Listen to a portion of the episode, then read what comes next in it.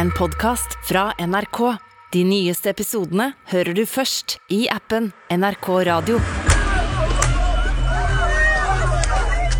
Påska i Sverige ble alt annet enn rolig. Flere steder brøt ut voldsomme opptøyer og demonstrasjoner. Biler ble satt i brann, politifolk ble skada, det var steinkasting og tåregass. Våldsamma upplopp pågår just nu i Örebro där fyra poliser och en privatperson har skadats. Angrepene mot politiet fortsetter, og biler settes i brann. Nå forteller politiet for første gang hvordan de har opplevd de siste dagene. Det tok aldri slutt. Og eh, hadde noen kollega fastnat eller ramlet der et sted, så jeg er helt sikker på at den hadde blitt stenad til döds. Alt tilsynelatende utløst av en dansk fyr kjent for å brenne Koranen innsura i bacon. Jeg synes personlig at bacon øh, øh, er fint at bo i Koranen. Jeg set også, lort og tiss egner seg godt til, til Koranen, fordi det er sånn en lortebok. Hvem var han? Og hva var det som egentlig skjedde? Du hører på Oppdatert. Jeg heter Gry Baby. I påsken har vi sett noen helt voldsomme demonstrasjoner i Sverige. Et sinne som er så enormt at politiet forteller at de frykter for sitt liv. De føler seg i skuddlinjen. Og vi har også sett at myndighetene har gått ut og sagt at dette her er ikke ordinære demonstranter, dette er noe helt annet, og dette er et angrep mot demokratiet. Charlotte Bergløff er utenriksjournalist her i NRK. Og vi har jo sett steinkastende ungdom, vi har sett biler, politibiler, skoler og andre steder i brann. Det har vært eh, som om himmelen har blitt farget av grå røyk, og politiet sier at dette er noe helt annet enn en vanlig demonstrasjon. Og i kjernen av alle disse voldelige gateslagene som har sjokkert Sverige, står det en nokså spesiell mann. En kraftig, blond fyr, ofte sett med sixpence og dress. Rasmus Paludan. Jeg er Rasmus Paludan, frihedens soldat i svages beskytter, samfundets vogter, danernes lys, partileder for Stram kurs. Han har i løpet av få år blitt en av de mest høyreekstreme politikerne i Danmark. Og for å skjønne hvordan den danske provokatøren nærmest endte med å sette Sverige i brann, må vi til det som skjedde i København i påska 2019.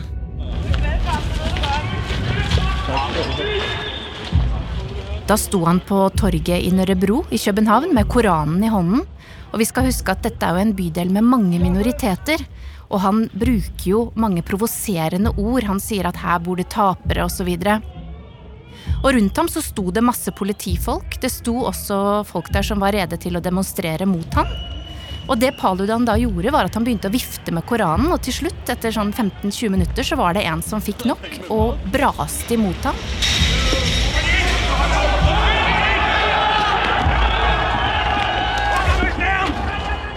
Politiet tok fatt i den mannen raskt, og også Paludan ble geleidet bort. Men da var begeret fullt. Det ble voldsomme demonstrasjoner i København med steinkasting, bildekk som ble satt i brann. Politiet svarte med tåregass, og dette holdt på i flere dager. I Danmark har 23 personer blitt arresterte etter uroa i København i går og i natt. Det ble voldsomme protester mot en islamkritisk demonstrasjon i bydelen Nørrebro. Han kommer alltid hen steder hvor han vet at det blir oppfattet øh, som en provokasjon, de ting han sier. Under kvelden og natten var det fortsatt urolig på ulike steder rundt om i København, og flere mindre bränder anlades. Dette var den 17. demonstrasjonen han hadde hatt det året, og året før hadde han jo hatt over 50 andre, der han typisk reiser rundt med Koranen, bacon og fyrstikker. Og budskapet var alltid det samme, som det fremdeles er, at han ønsker at alle med såkalt ikke-vestlig bakgrunn skal ut av Danmark, skal sendes hjem, som han sier, selv om mange av disse er jo født og oppvokst i Danmark. Eh, og så mener han jo også at islam er en voldelig ideologi. Han ønsker å ha den forbudt i Danmark, altså at det ikke lenger skal være religionsfrihet. Og i tillegg til disse stuntene og demonstrasjonene så hadde han jo i 2017 også opprettet et parti, Stram kurs. Ja, og det var spesielt etter stuntet der han kasta rundt på Koranen midt i København, at det virkelig ble spetakkel. Ja, det ble et voldsomt spetakkel, og myndighetene i Danmark de så seg til slutt nødt til å innføre et midlertidig demonstrasjonsforbud for å stanse urolighetene, og det igjen førte til at enkelte satte spørsmål ved ytringsfrihetens kår i Danmark. Mm. Og det skulle vise seg å være en gavepakke for Paludan. Ja, for han hadde jo lyst til å stille til valget i 2019 med sitt parti Stram kurs, og nå som han fikk dominere overskriften og fikk all denne oppmerksomheten, så klarte han jo også å raske til seg såpass mange underskrifter at han fikk lov til nettopp det, å stille til folketingsvalget og få delta i debattene som partileder for Stram kurs. Der var en særlig gruppe af børn, som var meget voldelige mod en anden gruppe af børn, der ikke var voldelige. Og den gruppe af børn, der var, børn, der var voldelige, det var, det var ikke danske børn, det var børn af noget andet, af nogle andre. Og, og der er en særlig gruppe af herboende personer, nemlig muslimer. Og det er ikke dem alle, men det er mange, som er meget mere voldelige end deres jævnaldrende danskere. Og helt ytterst da, i rekken av politikere i disse partilederutspørringene så sto jo denne Rasmus, som jeg må innrømme så ganske odd ut. Han så malplassert ut og veldig lite tilpass, egentlig. Eh, han var jo liksom helt annerledes enn de andre partilederne, og det ble et litt sånn det danskene faktisk kalte for litt sånn freakshow. Preservativer og p-piller er en rigtig god idé til ulandene. Og det er jo reelt det, der bliver sagt. Det er med den store forskel, at uh, uddannelse, det gør så, at de får uh, kun to børn, det koster rigtig mange penge. Hvorimod p-piller, det koster meget færre penge, og så får de måske nul børn. Så du siger, når danskerne Jamen, protesterer march efter march igennem by efter by, så gør det dem ikke lykkeligere at blive hørt af deres politikere? Det ikke lykkeligere. Det er meget bedre, at man ikke det, lyver det der, for dem. Det der og man er voldsomt arrogant over for deres ønsker og behov. Og den pointe har vi hørt nu. Vi har hørt... Skammer du dig ikke over det, at I narer Nej, ikke unge mennesker, vi tager dem Det gør ikke bestemt. Så Paludan hissa på seg alle de etablerte politikerne i forsøket på å bli folkevalgt, med rimelig drøye og ekstreme uttalelser. Og Charlotte, hvordan gikk det i valget? Nei, det gikk jo ikke så veldig bra, da. Han ønsket jo at innvandring skulle bli et stort tema under valgkampen, og det ble det jo ikke, for Danmark, eh, uansett om du stemmer til høyre eller venstre der, så får du en stram innvandringspolitikk, uansett hva du måtte ønske selv. Så da valgdagen kom, så kom han ikke inn på Folketinget. Mm. Så til nå så var jo forsøket ganske mislykka, og det skulle jo ikke bli noe bedre. Sommeren 2020 så ble han jo etter mange runder i retten dømt for annet brudd på rasismeparagrafen. Det ble en dom på tre måneders fengsel der han måtte sone én måned. Og da han slapp ut av fengsel litt seinere i 2020, så kan det virke som om pågangsmotet fortsatt var der. For Paludan hadde en ny plan for veien videre. Ja, nå ville han fortelle danskene at uh, Sveriges håndtering av innvandring, at det er den som truer Danmark, og at svenskenes problemer kunne velte inn over Danmark dersom ikke svenskene gjør noe med det. Så planen var som før å reise over til Sverige da, denne gangen med kofferten full av koraner og bacon, og kjøre stuntet sitt, og så la reaksjonene tale for seg. Men det gikk jo ikke så bra. For da han prøvde å komme seg over grensa til Sverige seinsommeren 2020, ble han stoppa og nekta inngang. For svenskene hadde jo fått nyss om at denne mannen han dro med seg opptøyer og trøbbel hvor enn han gikk. Ja, svenskene var redd for hva han kunne få til hos seg, så de ga han rett og slett to års innreiseforbud. Og de begrunnet det med at de var redd for at han ville begå forbrytelser. Men innreiseforbudet skulle han klare å komme seg rundt.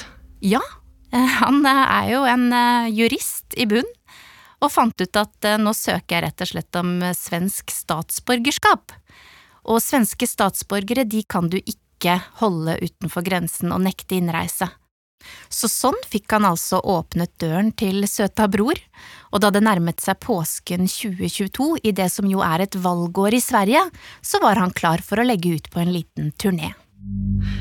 Og han varsla på forhånd at han skulle dra til flere svenske byer og snakke om annet innvandring og islam, samtidig som han skulle brenne Koranen om han følte for det. Og de første byene han skulle besøke, det var Linkjøping og Nordkjøping. Politiet forventa store motdemonstrasjoner og var i høy beredskap. For politiets oppgave er jo å beskytte ytringsfriheten, også for kontroversielle folk som han. Så dagen da Paludan skulle komme, stilte bevæpna politi seg opp. Og allerede før han hadde møtt opp, eksploderte det.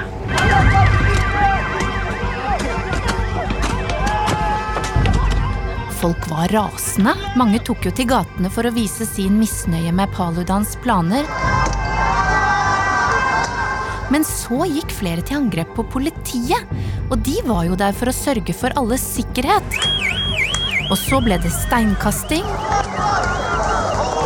Biler ble satt i brann. Og det oppsto et kaos som gjorde at selve demonstrasjonen til Paludan aldri ble noe av. Men selv om han aldri gikk på talerstolen, fortsatte opptøyene.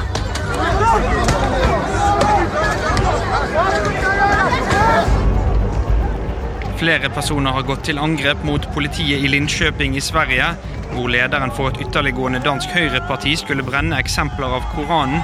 Ifølge TV4 har det brent i et titall biler i Nordkjøping, og redningstjenesten tør ikke ta seg frem til området. Og Paludan ga ikke opp. Han varsla at han ville brenne Koranen i flere byer. Dagen etter dro han til Rinkeby og satte faktisk fyr på den hellige boka der, midt under ramadan, altså muslimenes helligste måned. Og i dagene som fulgte, spredte de voldsomme opptøyene seg til flere svenske byer.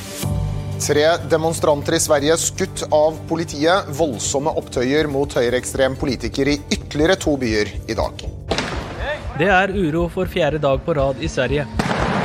Den høyreekstreme dansk-svenske politikeren Rasmus Paludan skulle brenne Koranen i dag, men dukket aldri opp.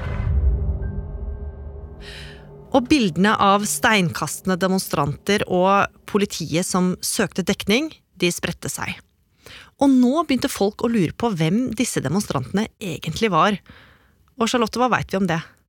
Svenske myndigheter mener det først og fremst er kriminelle gjenger som vi har sett i aksjon denne påsken når det kommer til all volden, også fordi angrepene har vært rettet direkte mot politiet, og de mener vi derfor ikke kan snakke om demonstrasjoner, men at dette er et angrep mot demokratiet. Ja, og mange har jo også begynt å spørre seg om Paludan egentlig hadde noe med opptøyene å gjøre i det hele tatt, eller om disse gatekampene på et eller annet tidspunkt ville ha skjedd uansett og at eh, Paludan bare var gnisten som satte fyr på et eh, større og mye dypere problem i Sverige. Ja, og myndighetene de mener jo at denne volden speiler et større og kjent samfunnsproblem i Sverige, og det er at barn fra utsatte bydeler med stor fattigdom og utenforskap, de er lette bytter for kriminelle gjenger, og at de rekrutteres i stor skala til kriminalitet, og brukes sånn som vi har sett nå i påsken for å skape kaos. Og Rasmus Paludan, hva fikk han ut av det hele? Nei, Han kom jo i overskriften også her, og her sitter vi og prater om han, så han har fått den oppmerksomheten han trenger.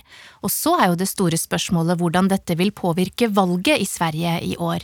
I Danmark så oppnådde han jo til sist egentlig ingenting under valget i 2019, men i Sverige så kan han ha gitt drahjelp til partier på høyresiden som fokuserer spesielt på lov, orden og innvandring. Det er partier som Sverigedemokraterna og Moderaterna. Og én ting er i hvert fall sikkert. Det blir en utrolig spennende valgkamp i Sverige i år, med eller uten Paludan på torget.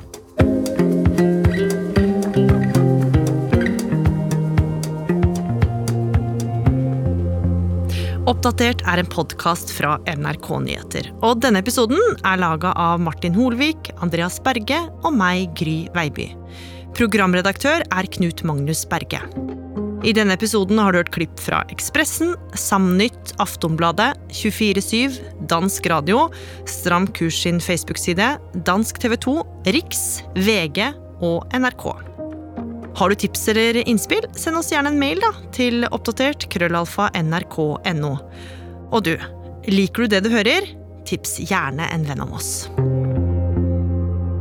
Du har hørt en podkast fra NRK. De nyeste episodene hører du først i appen NRK Radio.